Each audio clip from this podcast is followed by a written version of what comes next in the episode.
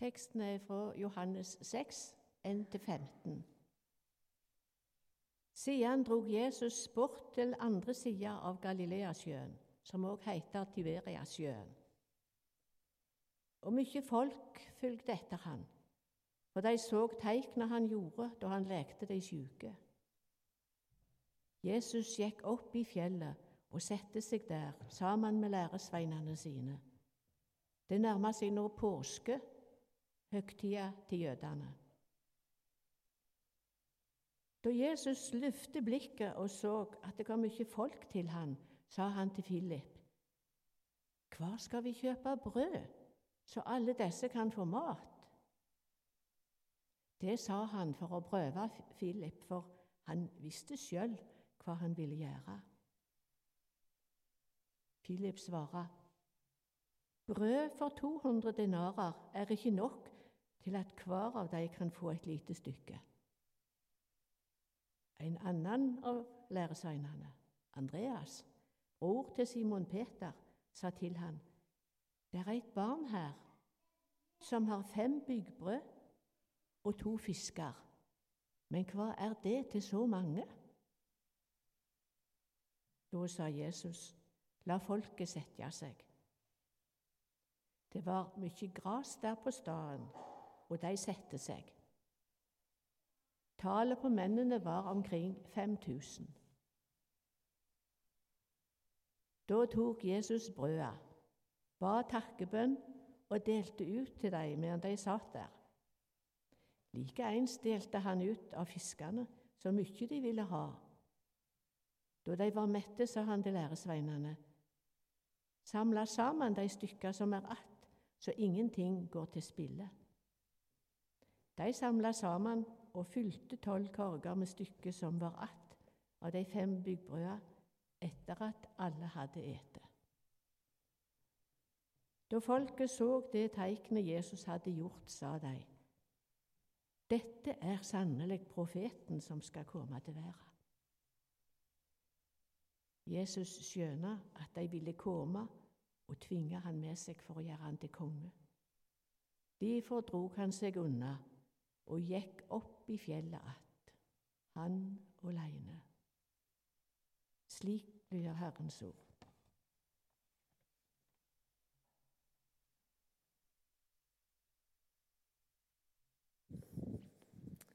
Vi er kommet til, eh,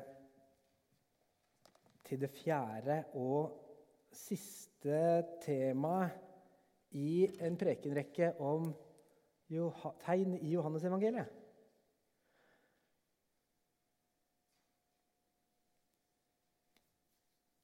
Syv tegn som gir hint til eh, hvem Jesus er. Vi er kommet til det fjerde. Og uh, det var jo sånn at uh, eller det er sånn i Johannes-evangeliet at Johannes har strukturert evangeliet sitt etter disse syv tegnene. De er ikke bevis. Han, er, han snakker om noe annet enn en bevis. Det er liksom historier som leder i en retning, peker på at Jesus må være Guds sønn. Og Så skriver han også hvorfor han har strukturert evangeliet sånn. Disse tegnene er skrevet ned for at dere skal tro at Jesus er Messias, Guds sønn, og for at dere ved troen skal ha liv i hans navn. Tro at han er Messias, og ha liv. Det er litt sånn som, som om Johannes sier at uh, dette er det som overbeviste meg. Og jeg håper at også vil overbevise deg.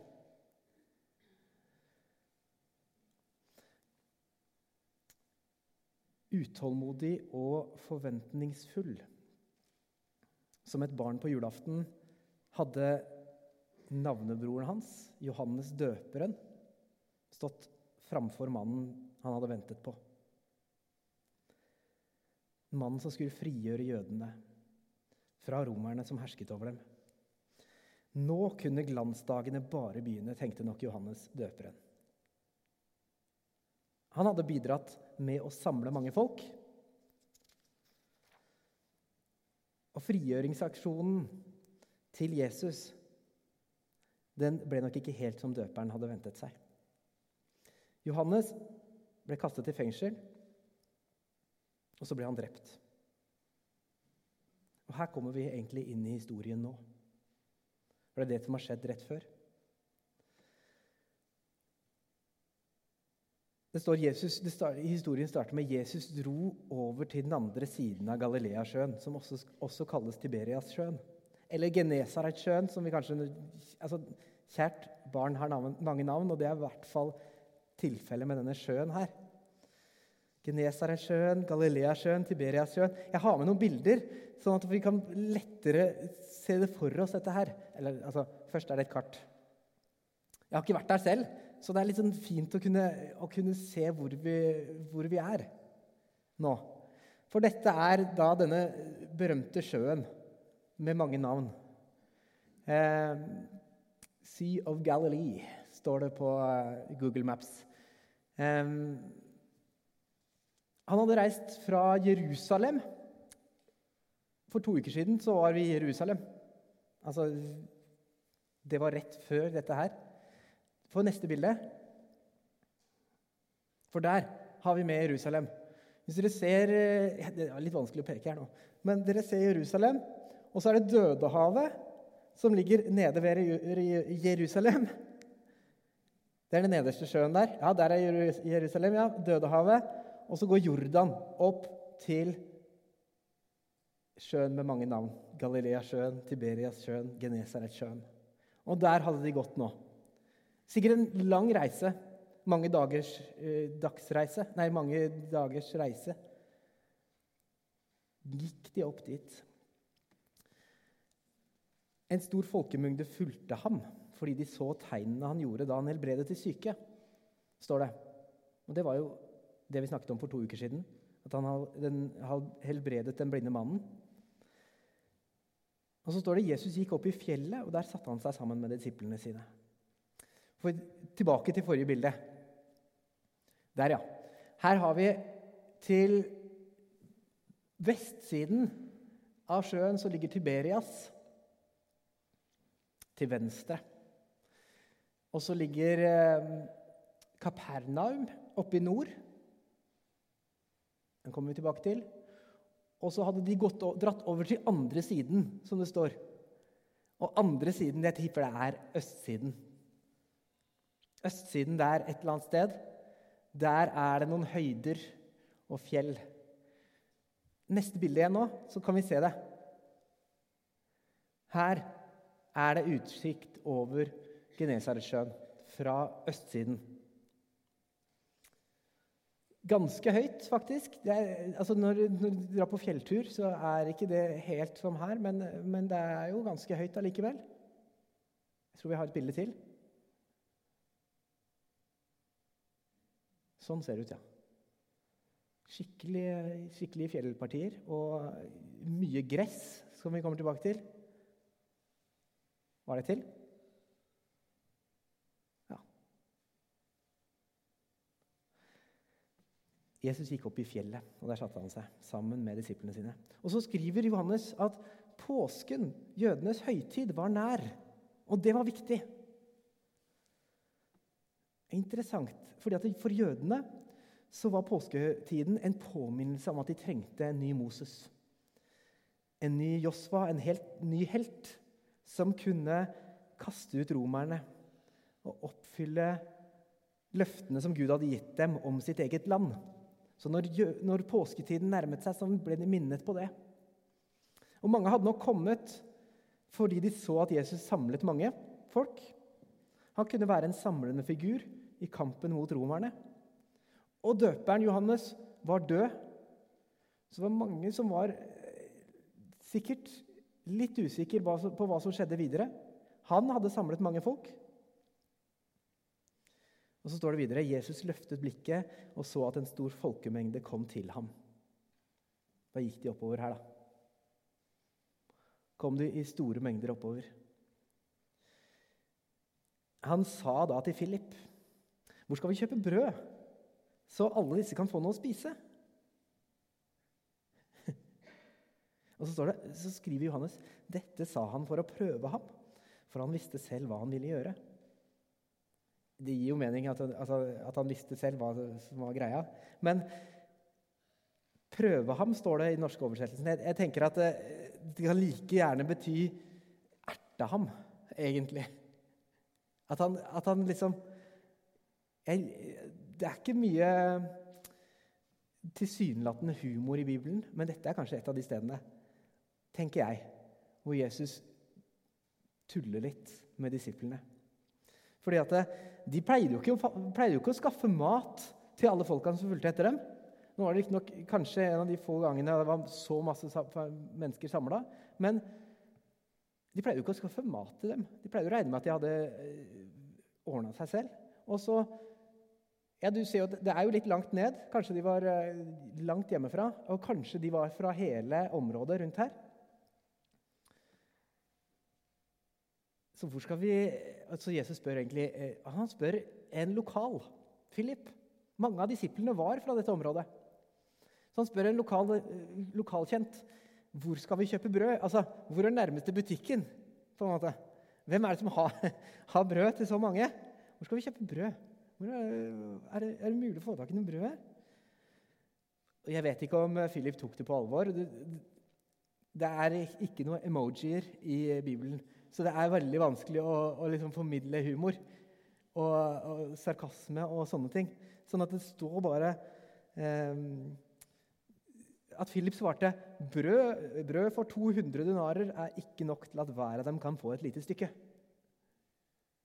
200 denarer, det var, det var 200 dagslønner, rett og slett. Masse penger er jo ikke nok til at de kan få en liten smak en gang.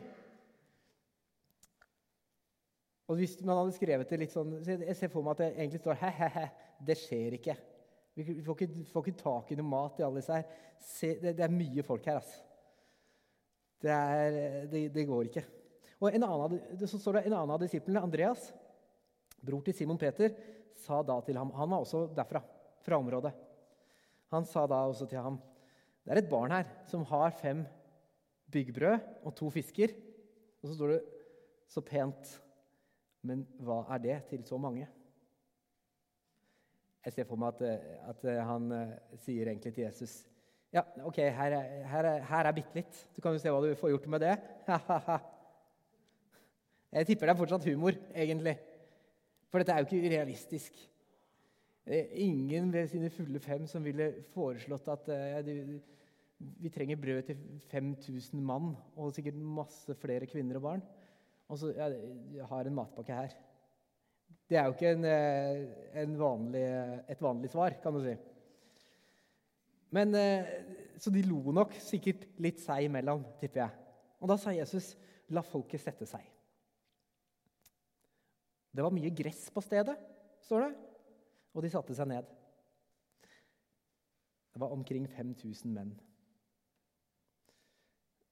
Da tok Jesus brødene, ba takkebønnen. Jeg tipper han fortsatt smilte. Jeg tipper folk rundt han så litt rart på han. Ok, han skal, han, skal, eh, han eh, Det må være humor fortsatt. Det er helt urealistisk. 5000 mann og kanskje 15 000 noe sånt, med kvinner og barn. Tjokka fullt på disse slettene her. Men han delte ut da, til de nærmeste, de som satt der. På samme måte delte han ut av fiskene så mye de ville ha. Jeg ser det for meg. Disiplene de kunne ikke være med, de kunne ikke gå rundt og dele. Det var ikke noe sånn, jeg ikke, kan ikke se for meg at, det var noe, at de hadde noen kurver som de gikk rundt og De var tolv stykker. Det var, det var, 5000, eh, det var 15 000 stykker der. Så de, de, måtte jo bare sende rundt. Og så sender de bare bakover. Alle måtte sende. Ingen får egentlig med seg hva som skjer, tror jeg. Skal ikke langt bak i, bak i rekka der for å, for å, ikke skjønne egentlig hvor disse maten kommer fra. Eh, de får mat, sender det videre. De ser kanskje ikke Jesus der framme heller. De vet at han er der.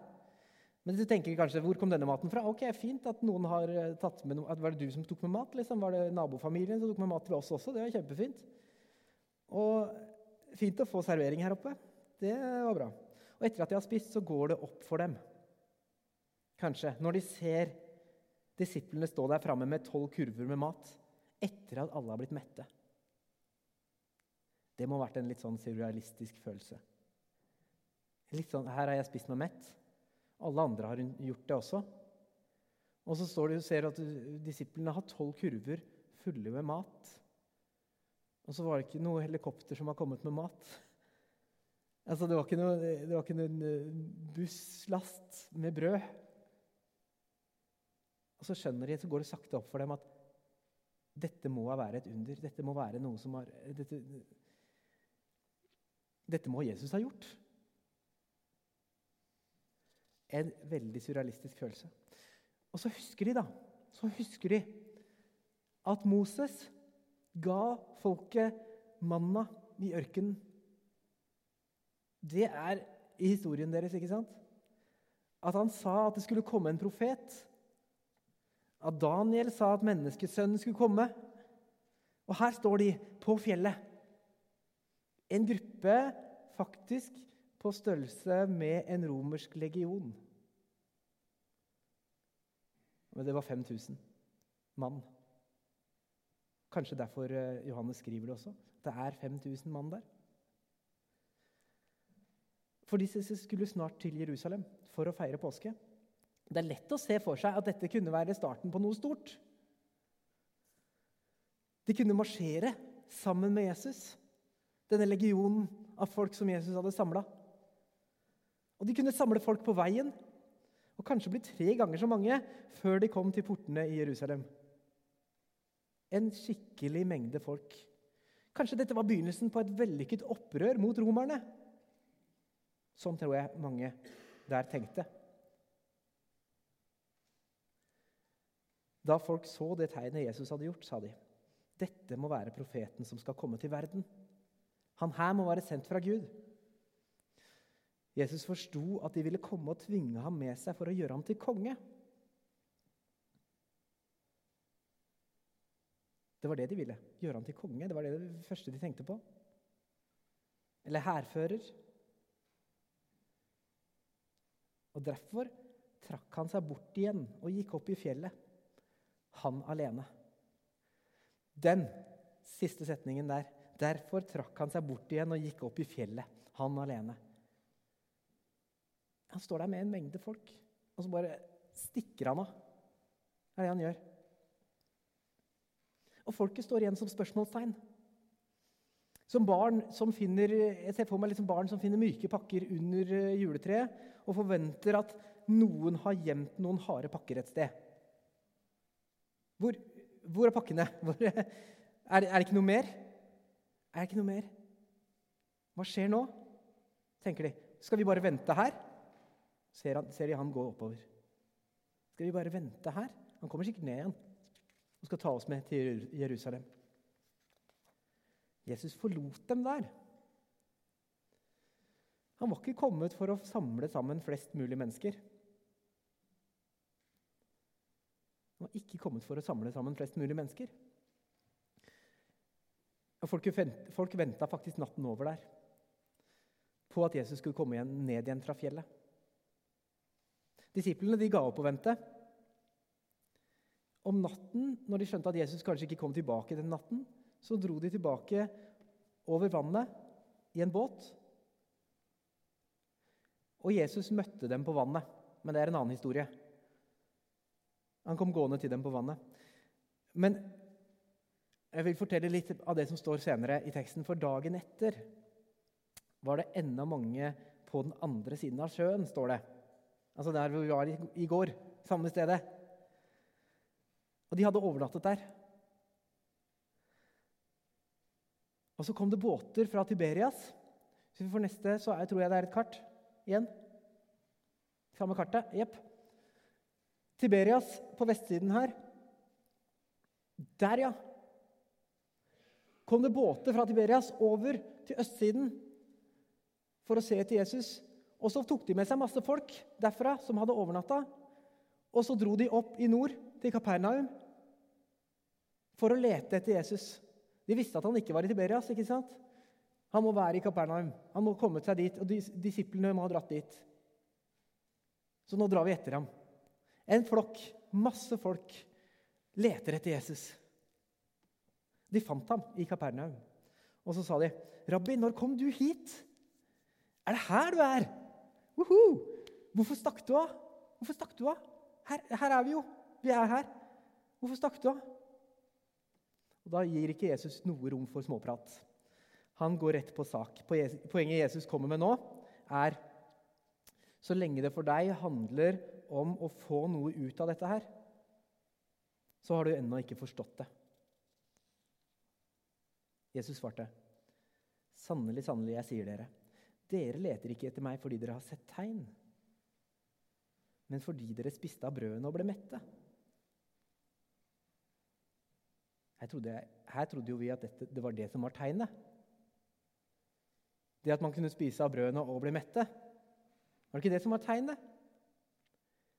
Nei, det er noe større. Det er akkurat som om Jesus sier dere er ute etter å bli mette. Stille hungeren etter kortsiktig vinning. Vinne små seire over romerne. Er det det dere er ute etter her? Det er det dere vil ha meg til å gjøre? Og Så sier han videre.: Arbeid ikke for den mat som forgår.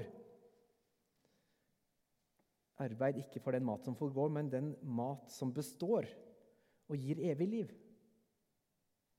Den som menneskesønnen vil gi dere. Dere forstår jo ikke betydningen av det som skjer her, sier han til dem. Alt dere kan tenke på, er den lunsjen dere fikk i går. Dere ser ikke lenger enn deres egen nese. Men dere har fått mer enn lunsj nå, egentlig. Dere har sett mer enn nok til å kunne tro at jeg er Gud. Er det som om Jesus sier. Og hva betyr det? Hva betyr det at Jesus er Gud? At han kan innta Jerusalem? Ja, ja, helt greit. Det er jo det, for så vidt. Men tenk større. Tenk større. Det er ikke maten som er poenget. Og det er ikke det å innta Jerusalem som er poenget. Det er ikke kortsiktige mål som er poenget. Dette betyr jo at det er Gud som står foran dere nå. Disse mennene og kvinnene de står rett ovenfor verdens lys på bredden av Genesaretsjøen. Står overfor Gud i en kropp. Og Alt de kan tenke på, er det kortsiktige. Appetitten, kan ikke se forbi magen sin. Eller ja, må, De snakker om mat, og Jesus må si det enda tydeligere til flokken som står og hører på senere i kapittelet. Han sier det blir ikke noe mer mat. Det blir ikke noen kortsiktige seire over romerne. Jeg er livets brød. Det er jeg som er manna fra himmelen. Det er jeg som er den som dere har ventet på uten at dere visste det. Og Svaret han får da, er, er i, i, praksis eh, ok, ok, Jesus, gjør et triks til. da. Gjør et triks til, sånn at vi kan, sånn at vi kan tro deg. Sånn at vi kan tro det vi så, på, så med egne øyne i går. Gjør det igjen. Gjør det igjen. Mange blir provosert av Jesus den dagen. For når man leser resten av Johannes kapittel 6, så står det at etter dette trakk mange av disiplene seg unna og gikk ikke lenger omkring sammen med ham. Så da de skjønte at det magiske showet var over, mistet de all interesse for tryllekunstneren. Da de forsto at det ikke, ikke var noe mer å hente for dem, så gikk de bort. De ville ha en hærfører sendt fra Gud, en konge. Og kanskje Kanskje tenker jeg egentlig at de hadde en, en slags unnskyldning. Der og da, alle disse som kom i flokk og følge og så en mann som kunne samle folk og gjøre under.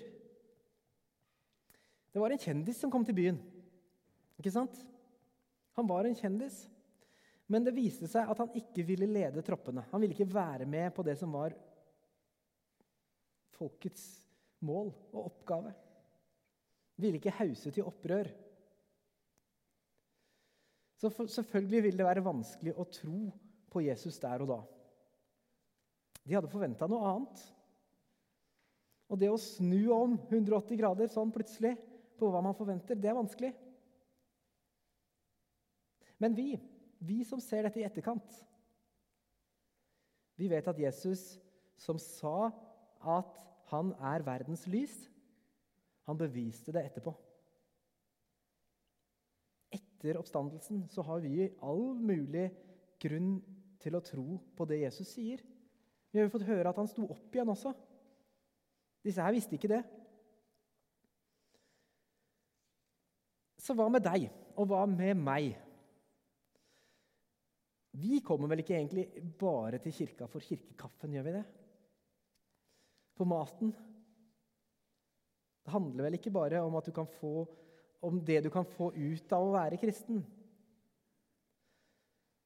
Eller, eller, er det sånn, eller driver vi også og samler mest mulig folk, sånn at vi kan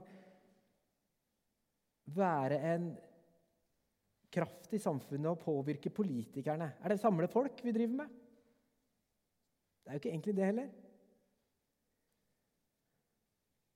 Jesus gikk jo bort fra folkemengden. For i, så fall, hvis vi driver med det, hvis, vi, hvis det er det vi gjør, spiser, og samler folk, så har vi ikke skjønt så mye av hvem vi har med å gjøre her. Vi står her ovenfor verdens lys. Gud selv. Faktum er jo egentlig at vi, vi trenger ikke noe nytt. Vi trenger ikke flere bevis. Vi har fått mer enn nok. Spørsmålet er egentlig ikke hva kan jeg få ut av dette? Dette med å være kristen, dette med å tro. Spørsmålet som forandrer alt, og, som, og spørsmålet som Jesus prøvde å få folk til å fokusere på hele veien, er hvem tror du at jeg er? Hvem tror du at jeg er? Ikke se på alt dette her andre her. Hvem tror du at jeg er? Og For noen så var han ikke noe mer enn en sånn magisk rabbiner eller folkesamler. Og de mistet interessen etter showet. Men noen få av dem, noen få av disse her, vil til slutt gjenkjenne ham som Gud i forkledning. De skjønner etter hvert dette er Gud i forkledning. Og de svarte etterpå da sånn som jeg tror du og jeg reagerer også når vi innser at denne mannen er Gud i forkledning. De sluttet å spørre. Spørsmålene var liksom ikke viktige lenger. Og de bare ga seg, og de fulgte etter. Da er det han som har kontroll, da. Og til slutt så ga han dem mer enn de noen gang kunne forestille seg. Han ga seg selv. Jeg vil påstå at det er, det er umulig å ha et ekte, godt forhold til noen som du alltid prøver å få noe fra. Ikke sant? Om det er svar eller tjenester. Det er alltid noe som du prøver å få noe fra noen. Da blir det ikke et ordentlig og godt forhold. Så slutt å forhandle med Jesus. Bare si ja. Og da er det jo den, den samme bønnen i Fader vår, som vi ber. Far i himmelen, la din vilje skje. La din vilje skje. Gud har egentlig allerede gitt oss det viktigste. Vi får, vi får kalle ham vår far, og han er med oss alle dager. Johannes han sa det på denne måten. Grunnen til at disse tingene er skrevet, grunnen til at jeg har skrevet dette her evangeliet, gode nyhetene, er at jeg vil at du skal tro. Jeg vil ikke at du skal tro for at du skal få noe midlertidig. En god følelse eller en klapp på skulderen. Eller få være del av en stor gruppe i menigheten. Jeg vil at du skal gjenkjenne hvem vi har med å gjøre. Jeg vil at du skal erkjenne at Jesus er Messias. Han er Guds sønn. Og at ved å tro så kan du få noe mer enn lunsj. Mer enn kirkekaffe. Du skal få liv i hans navn. Og det betyr at det er mer ved dette livet enn du ser. Det betyr at du tilgir fordi du er tilgitt. Det betyr at du elsker fordi du har blitt elsket. Det betyr at livet er mye større enn du noen gang hadde forestilt deg. Og dette er helt, et helt nytt type liv. Dette er et pers annet perspektiv på alt. Eventyret begynner. Jeg er oppstandelsen og livet, sa Jesus. Jeg er livet, sa han. Og Johannes skrev dette for at du kan få liv. Og så sa Jesus, 'Følg meg'. Hvem tror dere at jeg er? Følg meg. Nå som dette er eh, siste, siste søndagen med denne, dette temaet, så er det flere tegn i Johannes evangeliet som vi ikke har gått igjennom. Men de vil jeg gjerne at dere skal gå hjem og lese om. Les gjerne de, sånn at dere ser en fortsettelse, en oversikt over disse syv tegnene i Johannes evangeliet. Og ser hvordan han har strukturert det og lagt opp hele evangeliet sitt. Som jeg sa, så er det fastetid om to uker. Og neste G2-gudstjeneste så, så, handler det om å fremme rettferdighet. En av Korsveis veivisere. Vi pleier å gå gjennom Korsveis veivisere i fastetida. Og denne gangen er det å fremme rettferdighet. Og vi skal få besøk av Misjonsalliansen om en måned. 15. mars.